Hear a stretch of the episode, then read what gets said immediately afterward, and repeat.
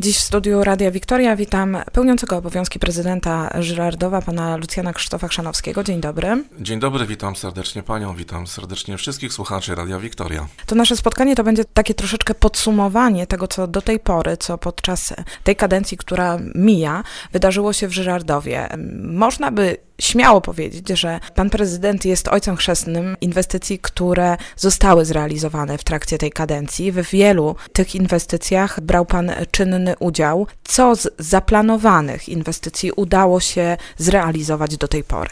Rzeczywiście większość tych inwestycji została zrealizowana. Ja tylko chciałbym dodać, że te inwestycje realizuje zespół ludzi, tak, któremu ja szefuję i przy okazji chciałbym tym wszystkim ludziom, e, pracownikom urzędu zaangażowanym w te inwestycje z całego serca podziękować, że e, konsekwentnie jesteśmy w stanie je realizować. Oczywiście zanim te inwestycje fizycznie zaczęły e, istnieć na mapie Żardowa, to przecież ciężka, ogromna praca nad uzdrowieniem sytuacji, jeśli chodzi o finanse publiczne w Żardowie i to była podstawa do tych dalszych realizacji. Tu nie ukrywam, że skuteczna kwestia pozyskiwania środków zewnętrznych no miała kapitalny wpływ na to, że te inwestycje mogliśmy realizować. Ile udało się pozyskać do tej pory y, pieniędzy ze środków zewnętrznych w Żardowie? To są dziesiątki milionów złotych już w tej chwili. Ja tylko powiem, że y, ten rok Mamy zaplanowane inwestycje na poziomie 96 milionów złotych, z czego oczywiście ponad połowa to są środki zewnętrzne, oczywiście z różnych źródeł, tak, jeśli chodzi o możliwość dofinansowania inwestycji. I wymienię te chyba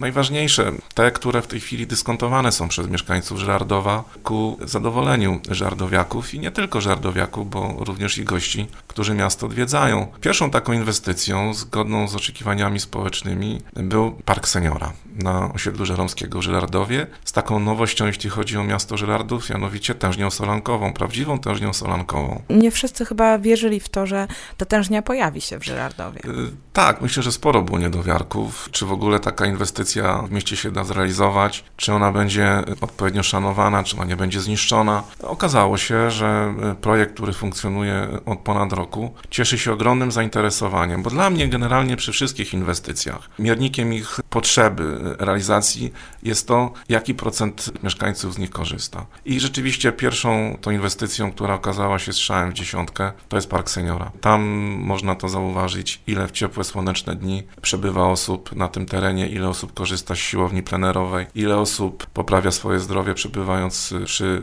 wspomnianej przeze mnie tężni i wiele, wiele innych funkcji, które na tym terenie są. Na przykład ta funkcja kulturalna, bo e, podczas tego sezonu letnio-wiosennego odbywało się na terenie Senior Parku bardzo wiele imprez kulturalnych, takich integrujących e, tak. środowiska. To jest e, bardzo ważny element w całym procesie rewitalizacji miasta Żelardowa, to aby ludzie mieli takie miejsca i takie możliwości, aby ze sobą się właśnie integrować, żeby ze sobą rozmawiać o różnych problemach, żeby po prostu być ze sobą razem. I rzeczywiście y, te imprezy organizowane w tym miejscu są bardzo wdzięcznymi imprezami. Przychodzi na nie ogromna ilość ludzi, w większości seniorów, ale i nie tylko seniorów. To już takie słowo jak potańcówki na Parku Seniora, no wpisuje się niemalże cyklicznie w kalendarz imprez organizowanych w tym miejscu, a opinie korzystających z tego są są jednoznaczne. Tego było potrzeba. Następną tego rodzaju inwestycją jest zagospodarowanie Zalewu Żardowskiego, zrobione w bardzo krótkim czasie udało się w wakacje, tegoroczne wakacje, oddać ten obiekt e, mieszkańcom i znowu tysiące odwiedzających przy upalnej pogodzie. I mieszkańców, i również e, bardzo duża ilość gości odwiedzających to miejsce z okolicznych gmin, okolicznych miast. I, I tutaj tak samo, jak w przypadku Parku Seniora, dla mnie najistotniejszą rzeczą jest to, że tam przybywa te tysiące ludzi, tak, i dyskontują to, co było bardzo potrzebne. Czekaliśmy w jednym, jak i w drugim miejscu ponad 21 lat na to, żeby, a w tym pierwszym nawet powiedziałbym kilkadziesiąt lat, jeśli chodzi o Park Seniora, żeby ten teren uporządkować i dać mieszkańcom to, czego tak naprawdę oczekują. Inwestycja w Zalew Żyrardowskie, tutaj na chwileczkę się zatrzymam. Ile kosztowała ta inwestycja? 9 milionów złotych. Mamy w tej chwili piękną drogę dojazdową ze ścieżką rowerową. Mamy zagospodarowany cały brzeg zalewu łącznie z y, ogromną plażą.